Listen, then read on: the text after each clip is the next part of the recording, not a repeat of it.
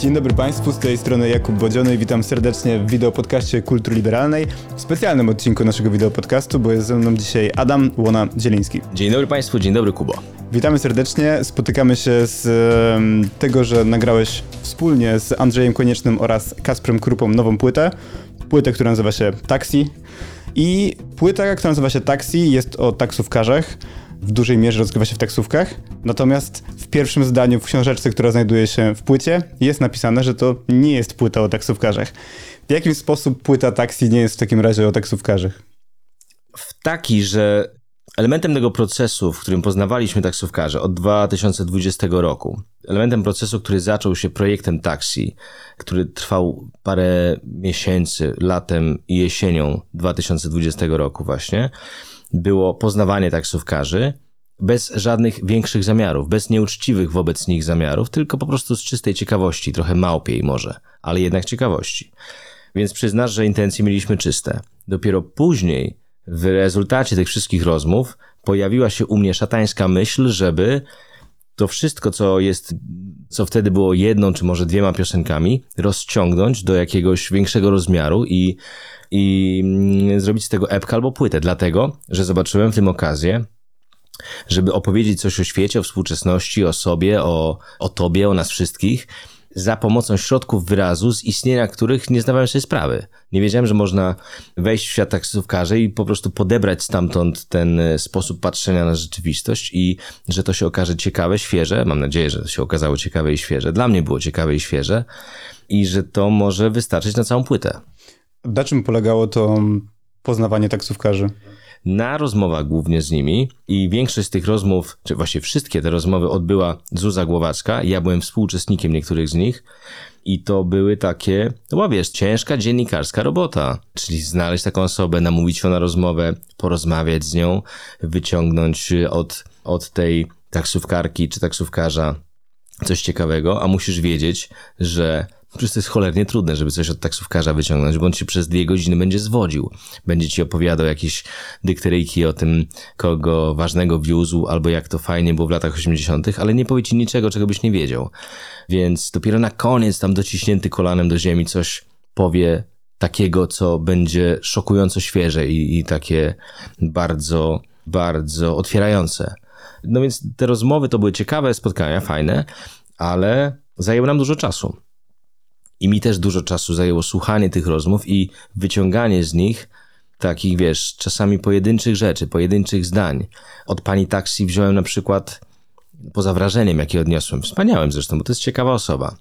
Obecnie jest y, kierowniczką dużej firmy, która się zajmuje, wiesz, tam, tam jest dużo taksówek, a kiedy Zuza z nią rozmawiała, to miała jedną taksówkę, ale ona opowiadała o pacjentach, czyli o, o, klientach, których wiozła na poznański adres Garbary 15, tam jest szpital onkologiczny.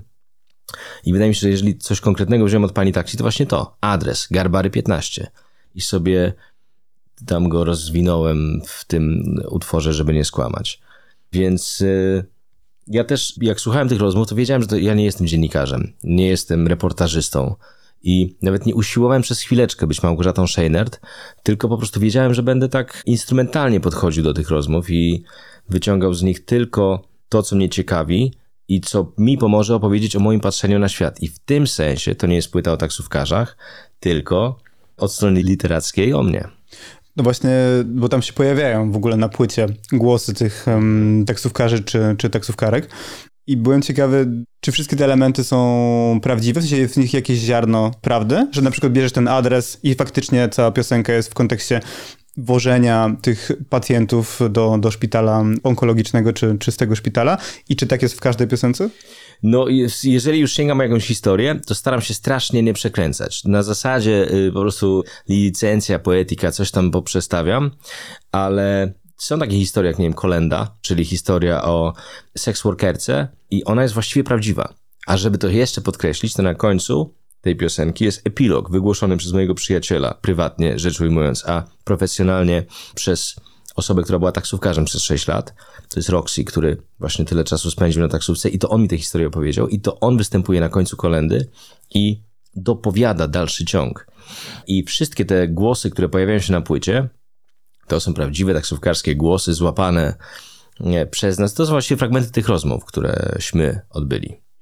A czy, no bo ty w trakcie przygotowań do płyty też miałeś taki epizod taksówkarski, jeśli tak to można nazwać. To było 7 kursów, tak? Dobrze pamiętam? Tak jest. To Ale nie w tym budyniowym Mercedesie. Niestety nie. Chociaż później wspaniały szczeciński taksówkarz Filip Śpiewak, który nam bardzo pomógł przy klipie, to żeby nie skłamać, i jeszcze przy wielu innych okazjach, dał mi się przejechać swoim budyniowym W210 Mercedesem i to jest naprawdę coś. Potem przypomniałem sobie, dlaczego tak fajnie jest mieć starego Mercedesa, a miałem dwa i teraz zaproponowałem mieć trzeciego właśnie. Naprawdę nie ma nic tak dobrego jak budyniowy Mercedes. To jest w ogóle bardzo tanie. Te budyniowe są dużo tańsze na rynku wtórnym niż tam, nie wiem, czarne. Więc... Bo to są po niemieckie taksówki, tak? To są po niemieckie taksówki. W Szczecinie, po niemieckim mieście to nabiera specjalnego znaczenia. Ale nie, jeździłem na jakimś e, białym po prostu, wiesz, Citroenem, który niczym się nie wyróżnia poza nieco większą liczbą koni mechanicznych. I to nie był epizod, to był epizodzik. Little tiny epizodzik taki, wiesz, który nie uprawnia mnie do tego, żebym mówił cokolwiek o zawodzie taksówkarza, żebym mógł mówić o tym, jak to jest być taksówkarzem, jaki to trud, jaki to znój, jaki to jest koszmar, bo nic o tym nie wiem. Przejechałem po prostu 7 kursów. Fajna przygoda, po której wiem tylko tyle, że nie widać taksówkarza. Nie, nie zostałem rozpoznany. Może dlatego, że nie jestem celebrytą, a może dlatego, że taksówkarz się sprowadza do roli pary oczu w lusterku i naprawdę nie widać nic więcej poza tym. No i miałeś tam jakieś small talki? Jak to wyglądało? Ty, ty inicjowałeś rozmowę? Powiedziałeś, że masz tak mało czasu i tak mało tych okazji. Na jakie zasadzie to wyglądało? Miałem jednego typa, którego mi się nie udało złamać, chociaż próbowałem. A zależało mi na tym, bo w tej aplikacji, której jeździłem, jak zresztą w każdej chyba, wiesz od razu, jak długo będziesz jechał z człowiekiem, znasz jakby dystans. No więc wiedziałem, że mam pół godziny, więc naprawdę chciałem z nim pogadać, ale nie udało się. Kurczę, po prostu nie, był nie do złamania. Natomiast w pozostałych przypadkach, tak, jasne, że tak. To była pandemia, ja byłem bez maseczki, więc w uzasadnieniu tej sytuacji bezmaseczkowej nie jestem jakimś antyszczepionkowcem, ale uznałem, że po prostu wiesz, to jest y, jakby ciekawy kazus belli i taki trigger, że tak po staropolsku ujmę, do rozmowy.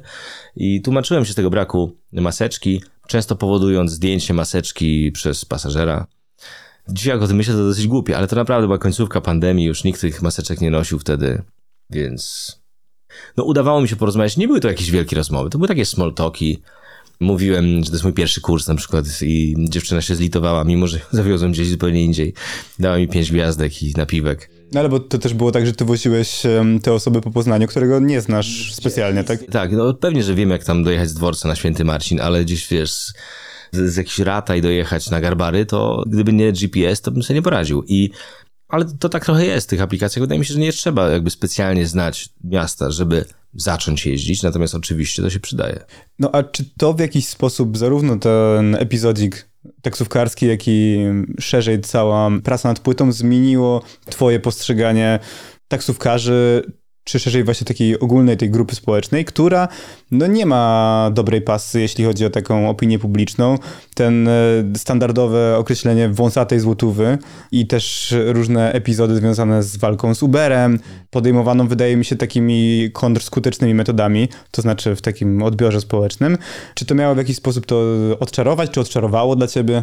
Wiesz, jeżeli chodzi o takie stereotypy o taksówkarzach, że są bardzo oszczędni, że bywają nieuczciwi, że nie są najsympatyczniejsi, to wszedłem z nimi w ten projekt i część z nich niestety ocalała. To znaczy, ja wciąż jestem podejrzliwy wobec taksówkarzy, nie potrafię się tego pozbyć. Może odrobinę za długo żyję i zbyt wiele kursów przejechałem, żeby hołdować tej zasadzie, którą Kołakowski słusznie podsuwał, żeby ludziom generalnie ufać, że to się po prostu bardziej opłaca w życiu. Może nie tyle opłaca, co bardzo ułatwia życie, bo pewnie życie przekręcą. Ale ty patrzysz, czy opłaca się na taksometrze. To właśnie, bo, bo, bo Kołakowski dokończył, że pewnie, że czasami cię przekręcą, ale to jest raz na sto, no więc po prostu tak się łatwiej żyje, jak ufasz. Ale nie jestem pewien, czy w taksówce ta zasada się sprawdza. No ale znowu, no widzisz, no to jest taki stereotyp i takie ogólne myślenie, które towarzyszy mi cały czas, jak wsiadam do taksówki. Ale ci wszyscy ludzie, z którymi rozmawialiśmy, z którymi Zuza przede wszystkim rozmawiała, a ja też trochę, to są raczej uczciwi, wydaje mi się, i jestem przekonany, a jeżeli bywają nieuczciwi, to sami nam się do tego przyznawali, mówiąc, że z nieuczciwością jest tak, że jak czasami coś tam przytną na boku, niechcący, no ale czasami tak wyjdzie, to karma natychmiast do nich wraca i wiesz, i sprawia, że w coś pukną albo, albo ktoś ich przytnie. I że generalnie z punktu widzenia taksówkarza też lepiej być uczciwym. Że to po prostu karma zawsze wynagrodzi. A tu jest też konkretne nawiązanie w mm, piosence Godzina Wilka do taksówkarza Roberta De Niro i do, do głównej roli, którą odgrywał w filmie, gdzie tego taksówkarza grał. I tam pada ten słynny cytat. Jak mówił, że czeka na deszcz, ten deszcz, co zmyje brud z ulic. Natomiast te cytaty, które potem się pojawiają w waszych rozmowach, one zupełnie jakby nie przystają do tego, tak? Znaczy tam jedna z pań mówi o tym, że, że to w ogóle jest dobry zawód, tylko czasem okoliczności są niesprzyjające. I to jest takie bardzo... To jest jedno z najpiękniejszych zdań w języku polskim, wiesz, jakie słyszałem, dlatego musiało się tam znaleźć. Że można o prostu. wszystkim też to powiedzieć. Takie, Otóż takie to, że, otóż że to. różnie jest, ale generalnie jest w porządku. No. Dokładnie. Jest dobrze, ale nie beznadziejnie. To jest jakby ta, ta półka. No więc genialne zdanie po prostu, wiesz. Taki moment, kiedy forma wygrywa nad treścią i robi to, wiesz, przez knockout. Ale nie tylko nasi rozmówcy byli inspiracją do tych tekstów, ale też ogólnoludzkie spostrzeżenia taksówkarskie, które, wiesz, ja zbierałem przez całe życie i ogólnotaksówkarskie spostrzeżenia moich znajomych, od których sobie ukradłem za ich zgodą parę historii, jak Kolenda czy y, Pandarek. I wiesz, to ci nasi rozmówcy, fajni, sympatyczni ludzie. Pan Hubert jest najsympatyczniejszym człowiekiem na świecie. Pani Gosia jest przemiła, sympatyczna i ma najlepszą kuchnię w Poznaniu. To są wszystko, wiesz, świetne osoby, ale nie oszukujmy się, taksówkarze to jest olbrzymia grupa społeczna i wśród nich jest wiele osób różnych. I to jest najbardziej porywające, że, że to jest takie spektrum, że naprawdę w taksówce można spotkać każdego. Podobnie taksówkarze myślą o swoim zawodzie i o klientach, że wśród klientów można spotkać każdego. Ta przestrzeń tego, tego spotkania to jest może ostatnia tak randomowa przestrzeń spotkań w naszym życiu, kiedy wiesz, wszystko jest ustawione. No nie, no nawet właściwie w taksówce się już nie spotykają ludzie, bo już nie muszą ze sobą rozmawiać w tych apkach, ale, ale jednak jakaś okazja jest, więc ta różnorodność jest porywająca, myślę. No ale właśnie też jest, tak jak wspomniałeś, rzeczywiście opisujecie trochę świat, który albo przestaje istnieć, albo już w ogóle przestał istnieć, bo w jednym z, z, utworów tam rzeczywiście, no że kiedyś to było, że teraz już nie ma i zarówno w kontekście tych złotych lat 80. taksówkarskich, że ta sytuacja w zawodzie jest coraz gorsza, no ale też to, że po prostu się zmienia chociażby ten, ten konflikt pomiędzy Uberami a, a tradycyjnymi taksówkarzami, które teraz w jakiś sposób powiedzmy się te, te światy przenikały. Czy wy też obserwowaliście te konflikty? Czy rzeczywiście jest tak, że no ty sam jeździłeś przecież na, na aplikacji, czyli no zadawałeś kłam temu staremu światowi? Tak. Tu jest parę, parę rzeczy ciekawych poruszyłeś. Po pierwsze, to kiedyś to było. Taksówkarze, jak zapewne wiesz, złote czasy mieli w latach 80. i wtedy byli królami życia. Zarabiali fortunę na taksówce i do dzisiaj wspominają to jako złoty okres. Jeżeli chodzi o otwieranie tego zawodu na nowe, na nowe sprawy, to ta narracja, że narracja, że teraz, teraz ten zawód już y, przestał mieć sens, bo, bo tyle nowych taksówek przybyło, jest od zawsze. Jak słuchasz sobie tego, co taksówkarze mówili o Uberowcach parę lat temu i przyłożysz to do tego, co taksówkarze mówili o otwarciu rynku licencji taksówkarskich na początku lat 90., to odkryjesz ze zdziwieniem, że to są dokładnie te same słowa, te same emocje, te same treści, wszystko jest to samo dokładnie. I zapewne jak przyłożysz do tego dorożkarzy, którzy protestowali przeciwko samochodom, to też odkryjesz pewną analogię. I możliwe, że to jest super uniwersalne, to, że my, ludzie, przeciwko postępowi, który jest dobry, zły, to akurat jest jakby jedna rzecz, wiesz, czy, czy postęp jest dobry, czy zły. Myślę, że nie jest ani dobry, ani zły, po prostu jest. I niewiele można z tym zrobić. Można tylko obserwować, jak on następuje i się jakoś dostosowywać do tego. No właśnie, ale albo I, się i zawsze mamy dostosować, albo, albo nie, tak? Duża część tej grupy właśnie twierdzi, że, że to był błąd i że nie powinniśmy tak iść do przodu. Bardzo możliwe, że ja w swojej prawniczej części życia zaraz też tego dotknę, jak, jak AI wejdzie i mi pozmienia wszystko, prawda? Wiesz, czy ty w dziennikarstwie też pewnie zaraz będziesz musiał się dostosować do zupełnie nowych metod działania. Będziemy tymi taksówkarzami, do których przyszedł Uber, zapukał i nagle, wiesz, ja mam taką refleksję, że taksówkarze nie słuchali Jacka Kuronia, kiedy mówił, że nie palcie komitetów, zakładajcie własne, nie palcie Uberów, zakładajcie własne. To się chyba nie stało. Nie odnoszę wrażenia, żeby taksówkarze odrobili lekcje z nowoczesności. I to jest trochę ich decyzja, a trochę wszyscy tacy jesteśmy. I wszyscy stoimy przed takimi dylematami. Jak, jak ci taksówkarze. Inna rzecz, że dzisiaj jak patrzę na to wszystko, to wiem, że taksówkarze słusznie walczyli z Uberem, chociaż ze złych powodów. Walczyli bowiem raczej z powodów y, własnych interesów, podczas gdy Uber nie jest dobry ani dla kierowców, ani dla pasażerów na dłuższą metę. No tak, nie, no wiadomo, że Uber miał bardzo wiele za uszami, stosował dumpingowe ceny, które przynosiły de facto straty firmie, ale chodziło o to, żeby pozbyć się, pozbyć się konkurencji. Dokładnie. No a jak, jak skoro dumping jest, wiesz, sprzeczny z prawem, to należy się zastanowić, czemu właściwie Uberowi to uszło na sucho. I może dlatego, że jest taki duży. Jak jest w kwestiach politycznych, które ty poruszasz w swoich płytach? Bo mam wrażenie, że są takie dwie ewolucje, które zauważam w, w twojej twórczości. Raz, że jesteś coraz mniej otwarcie optymistyczny, mhm.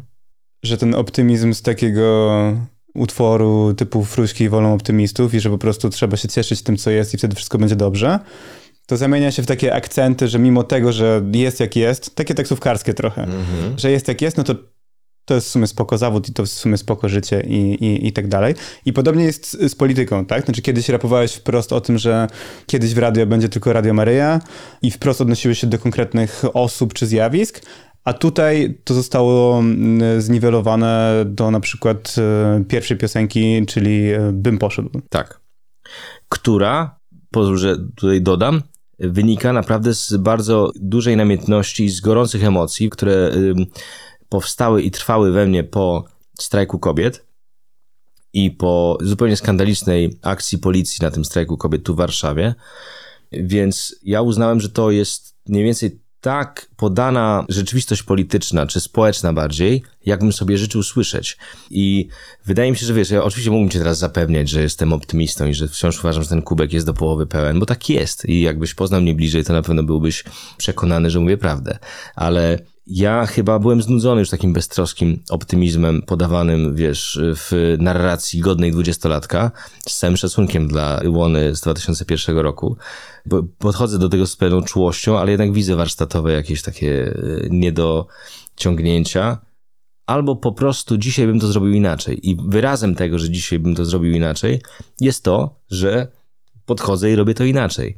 I robię to mniej więcej tak, jakbym chciał słyszeć, że życzyłbym sobie chyba słyszeć coś bardziej takiego, Boże, dojrzałego i refleksyjnego. I może nieco bardziej zawoalowanego, z uwagi na to, że żyjemy w świecie, gdzie już nic nie jest zawoalowane.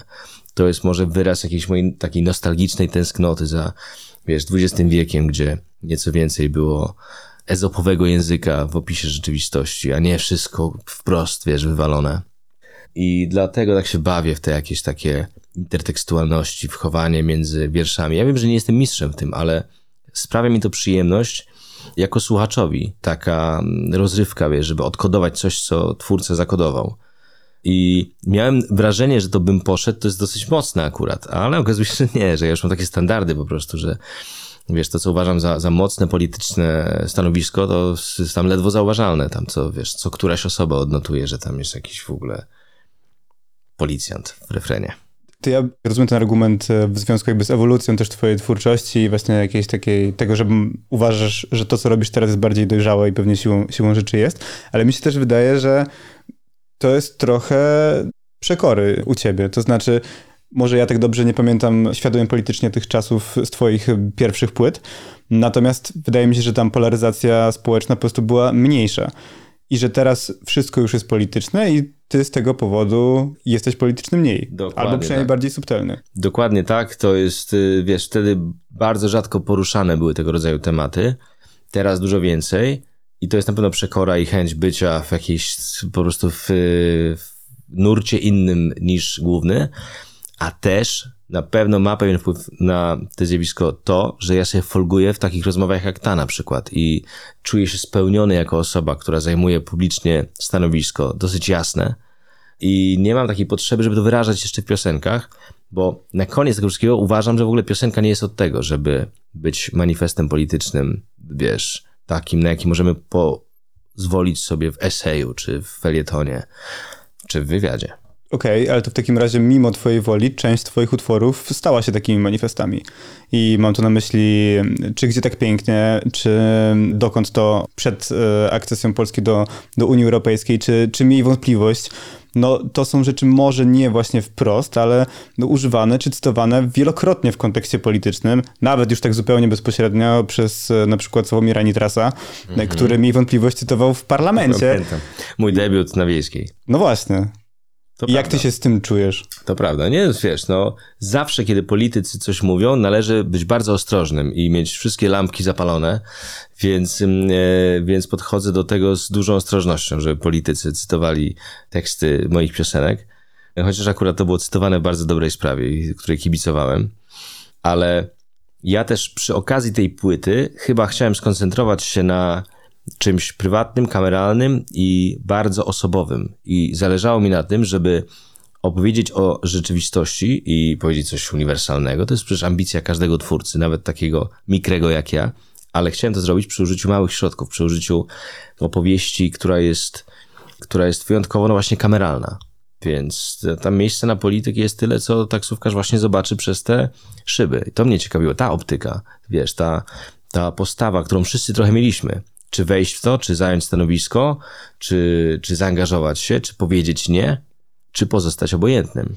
No, przy czym to też jest ciekawe, że jakby sama taksówka abstrahując od, od e, waszej płyty, też jest bardzo polityczna. To znaczy, mam tu na myśli te wszystkie twitterowe cytaty różnych dziennikarzy, którzy mówią: Jechałem dzisiaj z taksówkarzem. Już tak, pomijam tak, tak, to, tak. czy ta historia jest prawdziwa, czy nie, bo zazwyczaj to potwierdza poglądy tej osoby, ale tego jest masa. W sensie anegdota od taksówkarza tak. jest brana na zasadzie takiego barometru nastrojów społecznych. Wyszedłem z bańki dzisiaj, rozmawiałem z taksówkarzem. No tak, jasne, no tak, tak, tak, tak, tak, no jasne. Wyszedłem pomiędzy jakby swoim e, apartamentowcem a e, biurowcem i jakby zetknąłem się ze światem realnym. I teraz tak, wam no powiem, jasne. jak jest. No. No tak, tak. Wiesz, jest w tym trochę prawdy. No to jest rzeczywiście czasami jedyny kontakt z rzeczywistością polityków, wydaje mi się. I to też nie wszystkich. Przecież nie tych, którzy jeżdżą limuzynami z kierowcami, bo jest w ogóle coś takiego, że jak ktoś wchodzi do polityki i przed tym wejściem jest nie wiem, Andrzej Duda był chwalony bardzo przez swoich studentów, podobno, bo był znakomitym wykładowcą. Krystyna Pawłowicz była chwalona przez swoich studentów, nie wiem, czy się z tym zetknąłeś. Była podobno świetną, świetną wykładowczynią z, od prawa administracyjnego. No, ale jest coś takiego, że jak człowiek wchodzi do polityki, to nie wiem, traci zmysły i ja nie znam Krystyny Pawłowicz ani wcześniej, ani później. W ogóle jakby się cieszę z tego, że, że, że się nie znam z Krystyną Pawłowicz, ale wydaje mi się, że to jest, y, jest coś takiego uniwersalnego w polityce i we władzy, że ludzie, którzy ją sprawują, nagle tracą kompletnie kontakt z rzeczywistością i są kompletnie odklejeni.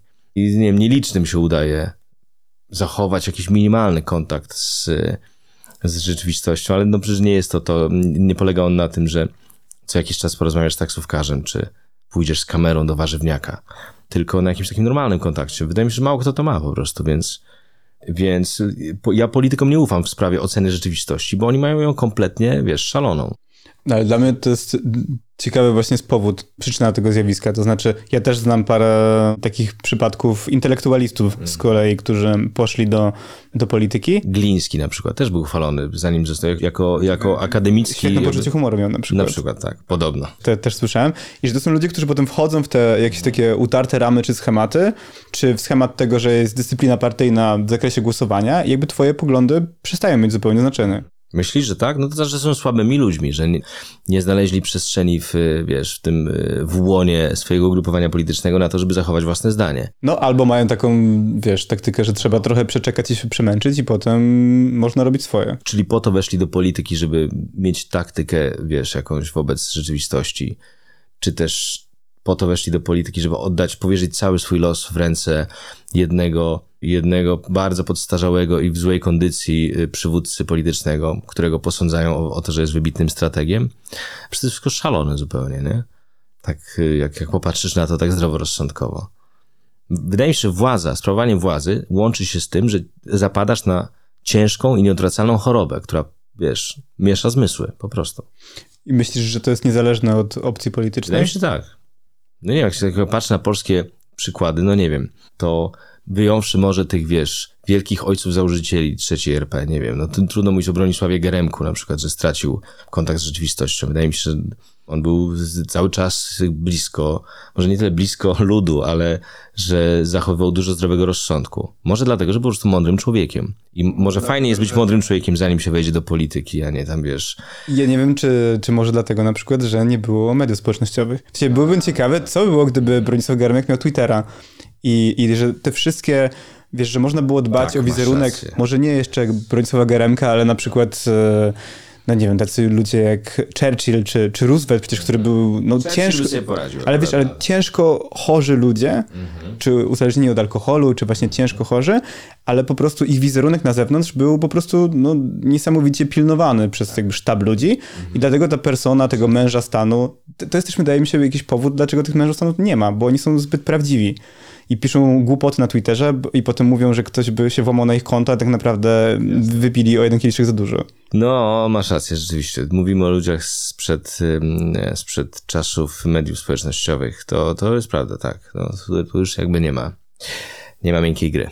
A dopytując o, o politykę i, i kwestie związane z tym, że czy rzeczywiście ona tak deprawuje każdą opcję polityczną tak samo, czy ty w związku ze zmianą władzy w Polsce Masz jakieś oczekiwania, które myślisz, że, że są realistyczne i spełnione? Odczuwam wielką radość w związku z, ze zmianą władzy. Uważam, że PiS była, PiS jest partią, która ma bardzo szkodliwy wpływ na, na stan Rzeczpospolitej i z, z wielką ulgą przyjąłem y, wynik tych wyborów.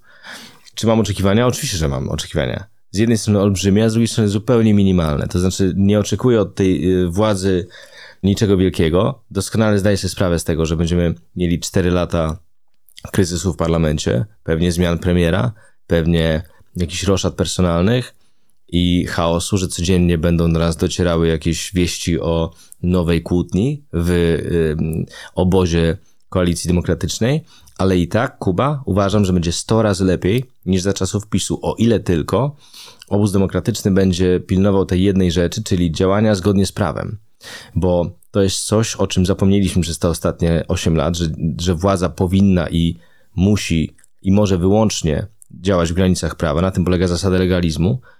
I PiS, który demokrację traktuje, waży ją sobie lekce, wydaje mi się, zwłaszcza Kaczyński jest bardzo umiarkowanym demokratą, moim zdaniem.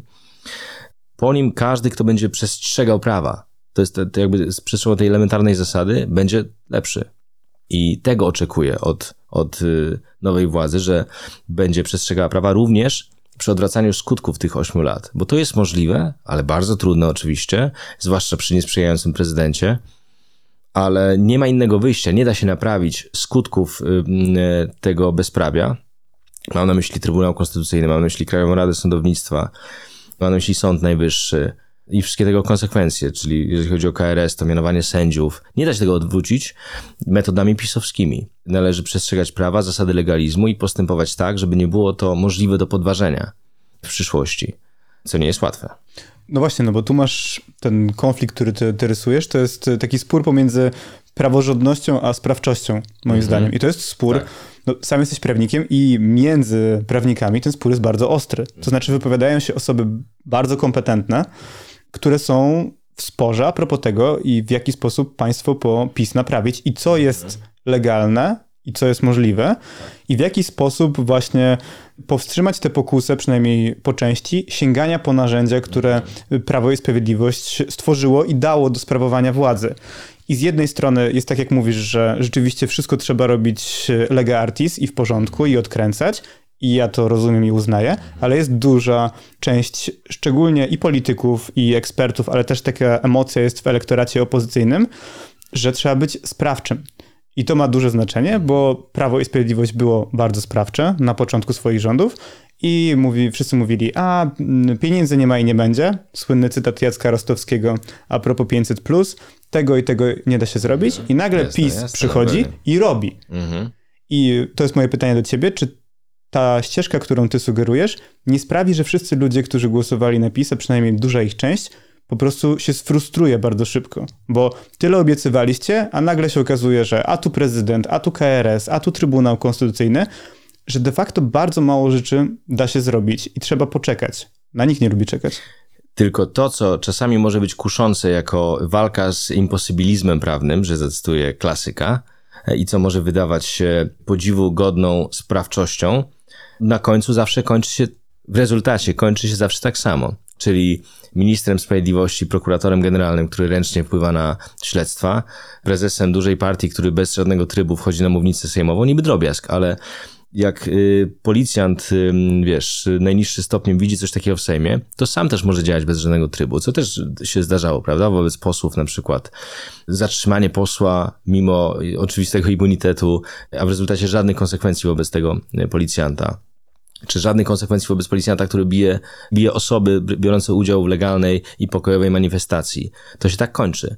Jeżeli godzimy się na to, że, że przymykamy oko na normy prawne i działamy trochę poza nimi, w imię sprawczości właśnie, to okej, okay, mamy szybkie rezultaty, ale na końcu mamy zawsze to samo, chaos i bezprawie. I ja się cieszę, że myśmy to zatrzymali w pewnym momencie, ale żeby to nie wróciło, to musimy działać zgodnie z prawem. Ten spór prawników dotyczący tego, jak odkręcić Trybunał Konstytucyjny, nie jest prosty.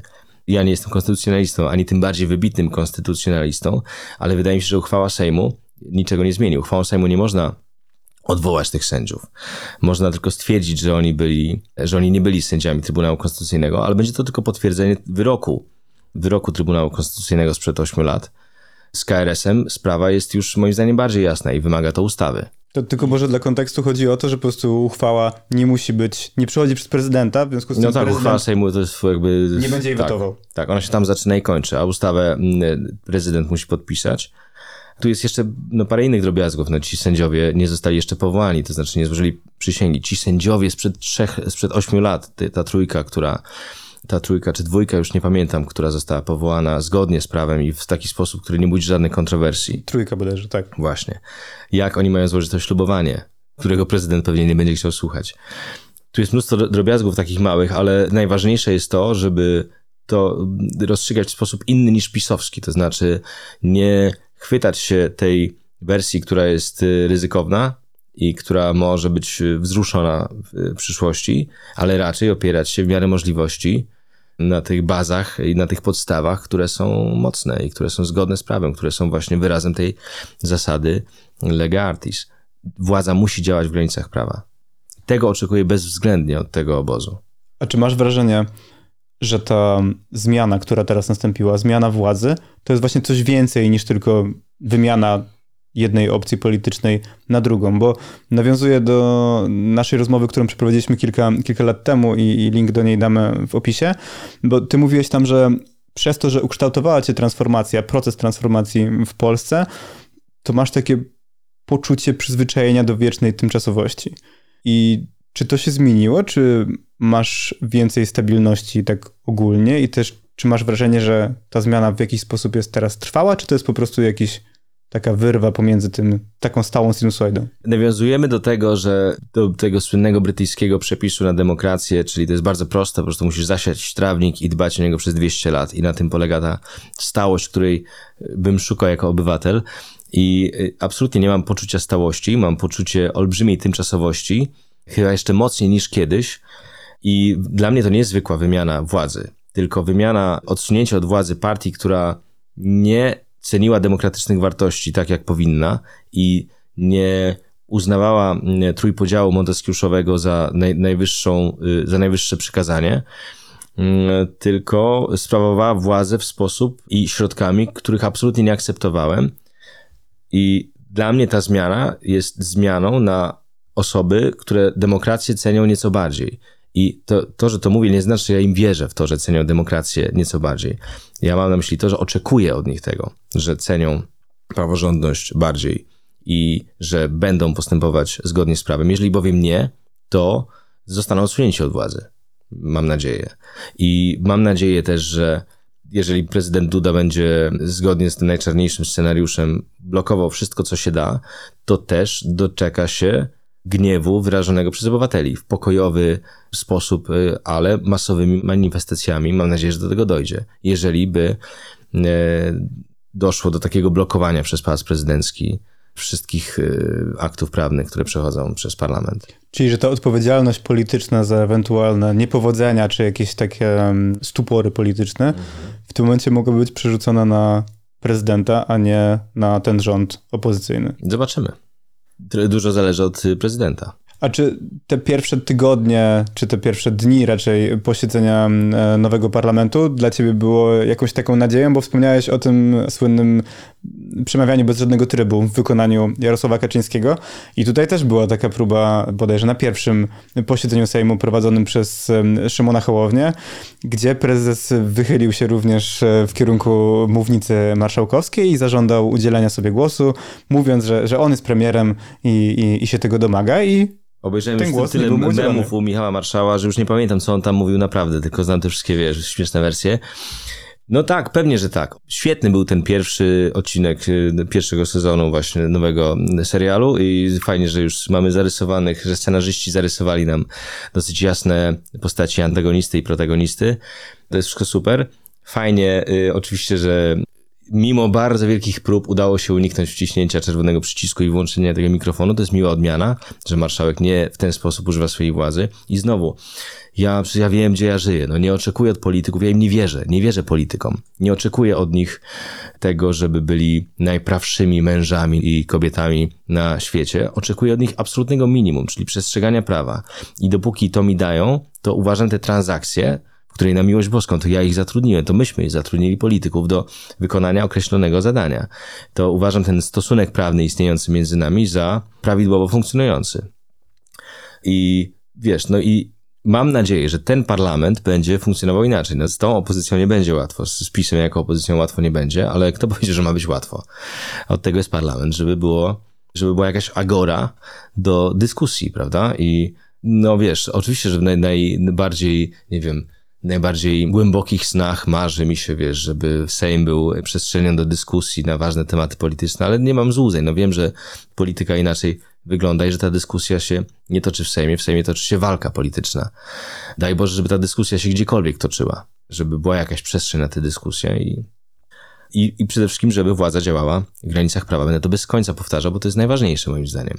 W kontekście tego że nie wierzysz politykom niezależnie od e, opcji politycznych, czy od partii, które oni reprezentują, to głosowałeś w tych wyborach właśnie na zasadzie mniejszego zła, czy głosowałeś na takiej zasadzie, z czym się zgadzałeś? Czy taktycznie, czy... Nigdy czy nie głosuję z miłości, e, ale traktuję to jako pewną kalkulację taką, wiesz, jako wyborczą matematykę. Kto y, nie odpowiada mi w naj, y, najbardziej możliwy do zniesienia przeze mnie sposób? No, w ten sposób, wiesz, nie wybieram kogoś, z kim będę całe życie y, spędzę w związku małżeńskim, tylko po prostu z kogoś, kto ma przez 4 lata wykonać pewne zadanie. I, I tym się kieruję. I można to nazwać mniejszym złem. Można to nazwać inteligentnym głosowaniem, jak, jak Nawalny to nazwał w wyborach, w wyborach na gubernatorów chyba, czy w jakichś samorządowych, już nie pamiętam, w którychś rosyjskich wyborach Nawalny radził, żeby głosować na tych przeciwników Kremla, którzy mają największe szanse na zwycięstwo i to miało sens. To się sprawdziło zresztą w Senacie 4 lata temu i w tym roku też. W kontekście paktu senackiego. W kontekście paktu, czyli wiesz, ustawienia tego w ten sposób, żeby PiS na pewno przegrał. No i tak.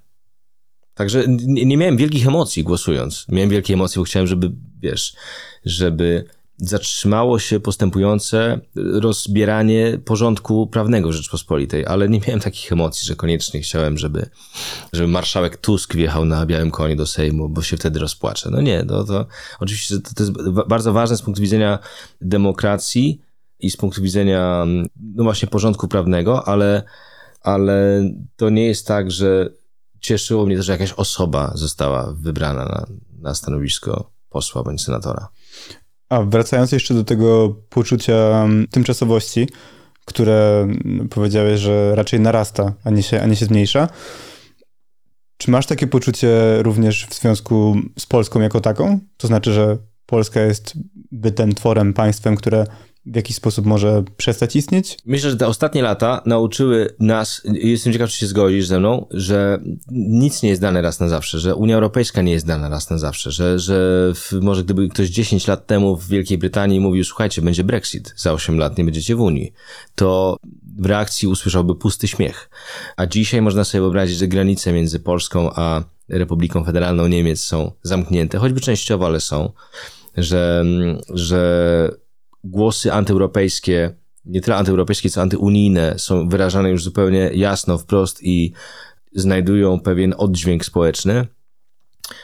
I to nie tylko u nas, ale też w innych państwach Europy, więc właściwie można sobie wyobrazić, że przy bardzo złych wiatrach i przy splocie nieszczęśliwych okoliczności, za parę lat Unia Europejska, jako ta organizacja, w której te 28 państw jest zjednoczone, 7, dziękuję właśnie, jest zagrożona i właściwie może się rozpaść. Więc może też Ukraina, przykład ukraiński uczy nas tego, że naprawdę wszystko się może zdarzyć i, i coś, co wczoraj wydawało nam się zupełnie niepojęte, dzisiaj staje się jakąś codziennością, a jutro może być dla nas normalnością, do której się jakoś dostosujemy. No, z Ukrainą też wiąże się dla mnie osobiście najbardziej wzruszający utwór na, na, na waszej płycie, czyli 10 pytań. I też to był utwór, który wydaje mi się wywołał największe emocje na, na koncercie w Warszawie kilka dni temu. I pytanie, czy dla was też tak było? To znaczy, to jest utwór, który opowiada o, o taksówkarzu ukraińskim, który mieszka w Polsce już jakiś czas i opowiada historię związaną z wojną. W sumie dwa pytania. Po pierwsze właśnie, czy, czy, czy to było też tak samo emocjonalne jak, jak dla publiczności? Czy wie się o tym, że, że projektuje się, czy tworzy się utwór, który będzie miał taki odbiór? A drugie, czy tu też ta historia rzeczywiście taka była, jak jest przedstawiona na płycie? To jest jeden z tych przypadków, kiedy rzeczywiście w piosence odbija się właściwie jeden do jednego ta rozmowa, którą przeprowadziłem akurat ja z tym taksówkarzem. I to było w trakcie kursu w Szczecinie. Ja rzeczywiście tych 10 pytań postawiłem. To było dużo ukraińskich flag po prostu w tej taksówce. Mnie to zaciekawiło, znaczy zaciekawiło. No to oczywiste było, że, że kierowca jest Ukraińcem, ale zacząłem ten temat ciągnąć i to się właśnie, i to się właśnie objawiło taką rozmową, jak, jak tam jest na tej płycie. I wyznam ci, że na nas ta piosenka też robi duże wrażenie cały czas. I w trakcie pracy nad tą płytą, jak, jak jej słuchaliśmy, to mocno nas poruszała. I kiedy ją gramy teraz na koncercie, to też odnoszę wrażenie, że gramy ją trochę inaczej niż pozostałe piosenki. I też po reakcji publiczności niekiedy widzę, że to jest yy, mocno poruszająca rzecz. No. no. właśnie byłem, byłem ciekawy, czy to jest tak, że, że wie się o tym, czy, czy wiedzieliście o tym, że jakby ta piosenka będzie miała tak duży wpływ, jakby, ja też rozmawiałem przed swoimi ukraińskimi znajomymi, mhm. którzy jakby mówili, o, to jest duża rzecz. Mhm. Przesłuchałem i, i to jest duża rzecz. No tam od momentu powiedzmy nagrania, jak, jak sobie tego posłuchaliśmy, to, to tak, tak, to jest, jest no jak, jak to pisałem, to nie wiedziałem, że to, że to będzie takie mocne, ale już miałem, już miałem wyprodukowany przez Kacpra i Andrzeja y, podkład. I no ten podkład też dużo... On jest właśnie, on jest, tam załatwia wszystko, dokładnie. I to jest też tak, że Kacper tak to ukształtował, tak, że taką strukturę temu nadał, że wskazał mi dokładnie te miejsca, gdzie ten rap ma być. Nie myśląc jeszcze o rapie pewnie, tylko robiąc właśnie po prostu jakąś formę tego utworu.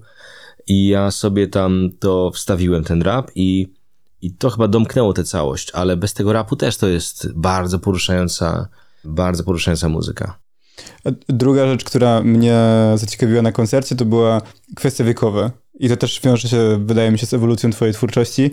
To znaczy, była tam taka zabawa sceniczna, zainaugurowana zresztą przez ciebie, żeby podnieść rękę i krzyknąć, w zależności od tego, do której grupy wiekowej się należy. I tam było powiedzmy poniżej 20, 20, 30, 30, 40, chyba 40 plus, albo może nawet jeszcze więcej.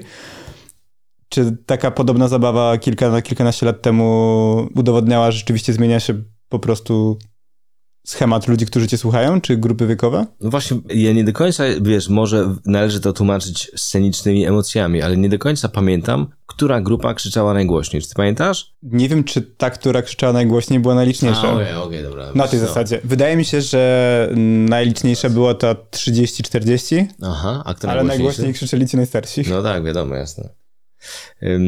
Wiesz co, no ja na to patrzę trochę tak, że mi się cały czas wydaje, że lata 90. były 10 lat temu. Jakby musimy wyjść od tego czynnika. I jak mamy taki faktor ustawiony, że ja naprawdę tak myślę, że lata 90. były 10 lat temu, czyli że mamy coś w tam stylu 2009. Mi to umknęło, że mamy 2023. Ja się z tym nie pogodziłem, ja tego nie rozumiem. Jakbyś mnie spytał o lata 90., to ja dokładnie wiem, w którym roku wyszła płyta Leroya, kiedy wyszła pierwsza molesta, kiedy wyszedł Kaliber. Potrafię to wszystko wskazać, ale w tych dwóch dziesięcioleciach, pierwszych dwóch dziesięcioleciach XXI wieku jestem bezradny, bo one mi umknęły. Nie dlatego, że je przepiłem i tam po prostu nie pamiętam, tylko cały czas mi się wydaje, że, że to było przed chwilą, więc jak patrzę na tych ludzi, dobrze zachowanych, ale jednak, jak właśnie mi uzmysłowiłeś, 40-latków albo 40-latków plus, to patrzę na swoich rówieśników i myślę, okej, okay, siema. Widzę też trochę młodsze osoby, 20-letnie, ale patrząc na te dwie grupy, nie, nie uzmysławiam sobie, że tam jest 20, 20 lat różnicy. E, więc ja tego tak ostro nie widzę. Natomiast rzeczywiście jest tak, że mamy tych 40-letnich, czyli naszych rówieśników wśród fanów i też mamy 20-latków. I to jest budujące, że mamy tak różną, y, wiesz, publiczność. Ale to jest dowód raczej na to, że te dwudziestolatki dobrze rozumieją, o czym my mówimy, bo przecież ja nie będę usiłował nawet mówić i, y, wiesz, udawać, że ja rozumiem, o czym rozmawiają między sobą dwudziestolatkowie. Oni używają zupełnie innego języka niż ten, który znam. I no pewnie, że to jest dla mnie obcy język. I mm, chętnie bym go poznał, ale go nie znam. No ale jest coś w tym rzeczywiście, że ta twoja muzyka, co chociażby było widać na, na tym koncercie, ale też na innych, to znaczy właśnie ten, no, że słucha cię masa młodych osób mimo wszystko i słucha cię też e, bardzo dużo takich osób, które, wiesz, mówią, e, rapu nie słucham oprócz Łony, albo tam może jeszcze Fisza, czy, czy na tej zasadzie. I myślisz, że to właśnie wynika z czego? Znaczy, że robicie muzykę, że ty robisz bo mówisz, że nie robisz muzyki skierowanej do 20-latków, co, co, co jest logiczne, bo pewnie wyszłoby to koszmarnie, mhm. ale że co, że oni są tak zainteresowani tym, co ma im do powiedzenia 40-letni raper, czy ty opowiadasz tak uniwersalnie? A może patrzą na to tak i może to jest najuczciwsze spojrzenie, że fajnie, ten 40-letni raper jest śmieszne, wesołe, może czasami nawet inteligentne, ale kurwa, tych dwóch muzyków, jakie to jest wspaniałe, jakie to jest, y, wiesz, a oni są 30-letni, przypominam, więc... Yy więc mamy tutaj połączenie y, rapu, owszem, z, z, muzyką. I ta muzyka, której ja wcale nie robię, wbrew temu, co mówisz, tylko oni ją robią. Andrzej Konieczny i Kasper Krupa. Może to ona jest tym magnesem. Może ona jest tym, tym tajemniczym, wiesz, tajemniczą odpowiedzią na sekretne pytanie o to, co sprawia, że dwudziestolatkowie też przychodzą na ten koncert. Może są ciekawi właśnie tego, jak na żywo brzmi ta i tak żywa muzyka umieszczona na tej płycie.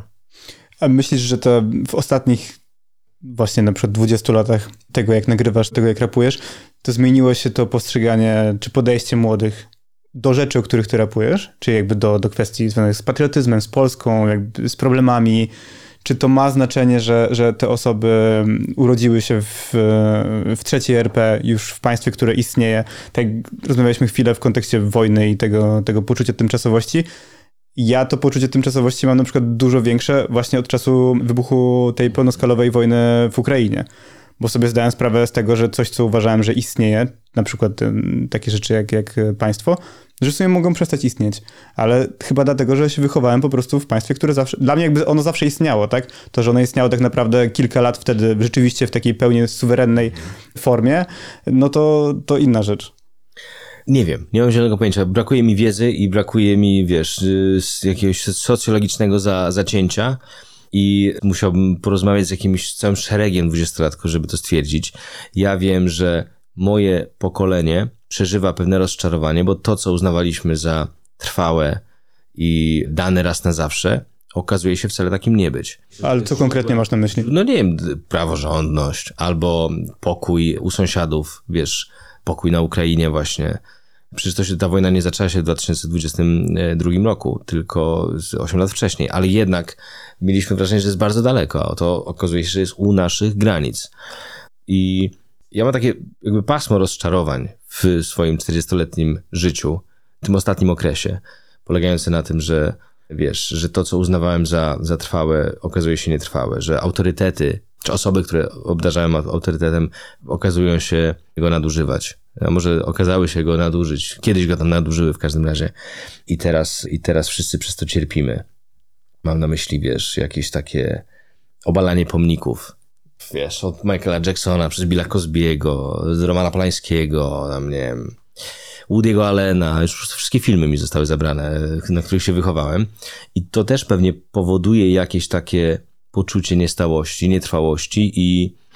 Ale jak to jest u dwudziestolatków? Nie mam pojęcia Wydaje mi się, że u mnie to jest, y, że u mnie to jest trochę pokoleniowe takie, że, że to, to, co było dla nas trwałe, ważne, jasne, jasnym punktem z naszego dzieciństwa, Bill Cosby Show, Mr. Huxtable, nagle zupełnie zniknęło. I, i to jest, wiesz, no, jest, jest coś w tym. Bo też nawiązuje do tego, co pisał Jarosław Kujisz w kontekście pokoleń podległości i niepodległości, czyli podległości tych urodzonych przed, czy wychowanych przed 89 rokiem, a, a niepodległości tych, którzy wychowali się po, czyli już w trzeciej RP. To jestem ciekaw, czy na przykład twoje dzieci, kilkuletnie, jak się dobrze pamiętam, znaczy one też będą się z tym poczuciem tymczasowości tak bardzo mierzyć jak ty. No wiesz, to pewnie, że każde pokolenie ma swoje patrzenie na, na rzeczywistość. I i ono jest zawsze inne. I mam nadzieję, że wiesz, że moje dzieci, Janek i Zosia, będą brały udział, że będą mieszkały w dużo fajniejszym miejscu i będą brały udział w budowaniu czegoś fajniejszego niż to, z czym nam się przychodzi mierzyć. Chociaż i tak umówmy się, Kuba, i, i tak jest świetnie, umówmy się. Jest, jesteśmy w pierwszym świecie, jakby, co jest oczywiste. I, I możliwe, że nigdy nie było lepiej.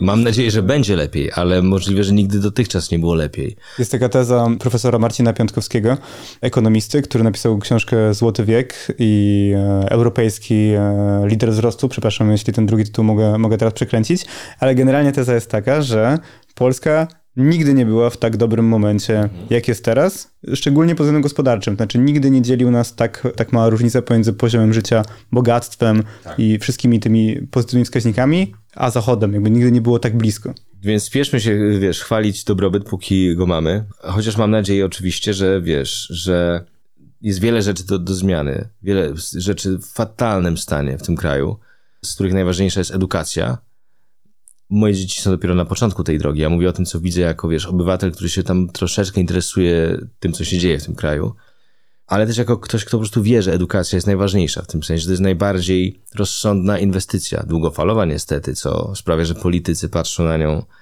po macoszemu, ale to jest najmądrzejsza inwestycja i najważniejsza. I wiem, jak cholernie to jest e, zaniedbane.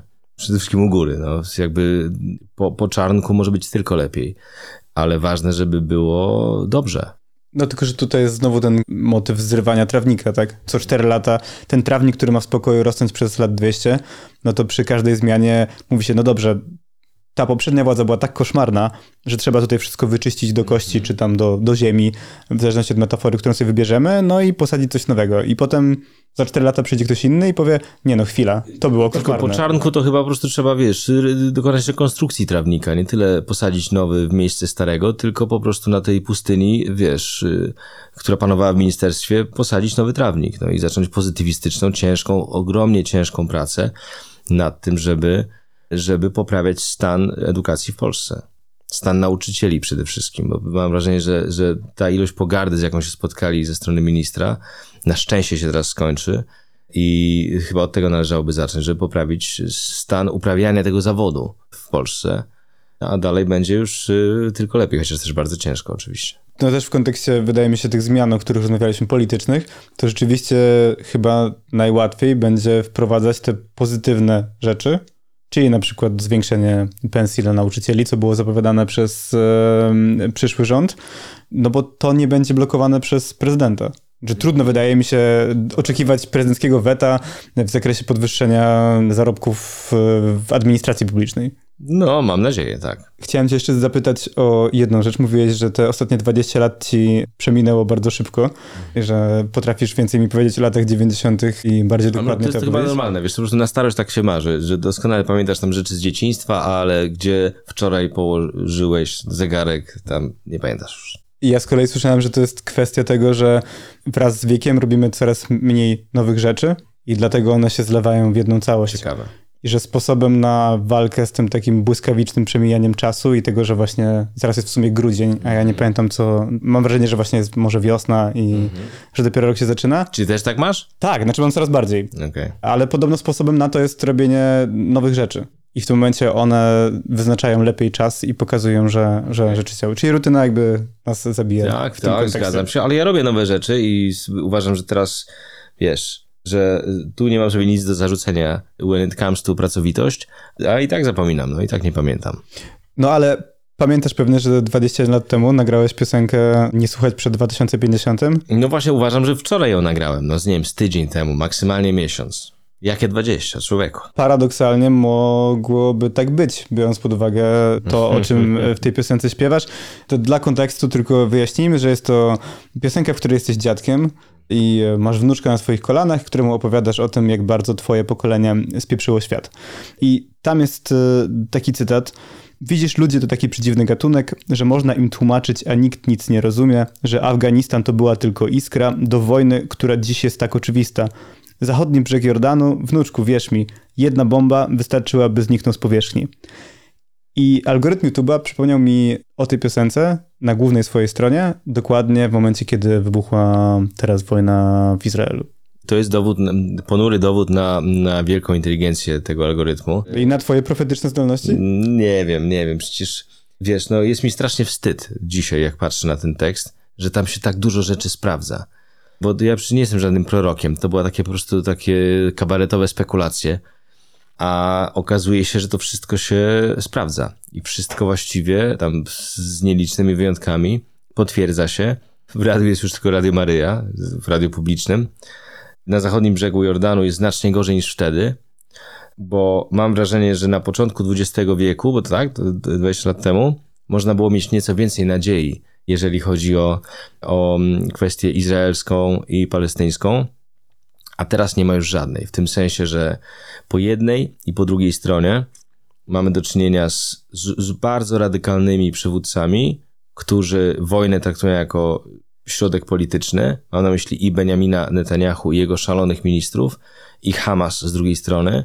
I odnoszę wrażenie, że w dzisiejszym oglądzie tej sytuacji strasznie trudno szukać nadziei na pokojowe rozstrzygnięcie, czy w ogóle na rozmowę o rozwiązaniu dwupaństwowym. Tam teraz nikt o tym nie myśli, a na pewno nie, nie przywódcy. I dopóki u władzy będzie z jednej strony Netanyahu, a z drugiej strony Hamas, to nie, nie będzie żadnej szansy na porozumienie. Nie wiem, czy wtedy było aż tak źle, ale, ale to jest bardzo ponure, że 20 lat po tym, po tej jakiejś takiej spekulacji mamy do czynienia z, z tak czarnym okresem w, na Bliskim Wschodzie. No tak, no, dokładnie takie są zresztą komentarze, bo jest wspaniały teledysk, e, który na MTV bodajże leciał jeszcze wtedy. Jak MTV puszczało muzykę jeszcze. Tak, i odrestaurowana jego wersja jest dostępna na, na YouTubie i dokładnie są tego typu komentarze. Znaczy wszedłem tutaj, mhm. bo przypomniałem sobie, co śpiewałeś 20-21 lat temu i to jest coraz bardziej aktualne. Przerażające jest to dla mnie. I, I, tylko tyle mogę powiedzieć, no, że to jest po prostu, wiesz, wcale nie chciałem być takim złym prorokiem. Czy dobrym w złym tego słowa znaczeniu. Adam, e, bardzo dziękuję w takim razie za dzisiaj. Dziękuję najuprzejmiej. Polecamy jeszcze raz e, płytę. Polecamy wszystkie książki z tej półki. Oczywiście. Łona Konieczny Krupa Taxi. 11 utworów, 46 minut i 46 sekund. Bardzo polecam w spokoju przysłuchać płytę, bo nie jest to coś, co powinno lecieć w tle, albo w samochodzie. Płyta jest bardzo dobra do słuchania Może być w samochodzie. samochód taksówkarski. Czytajcie książki i słuchajcie płyty. Najlepszy budyniowy Mercedes w takim razie. Dzięki jeszcze raz i dziękujemy, że byliście dzisiaj z nami. Do zobaczenia i do usłyszenia.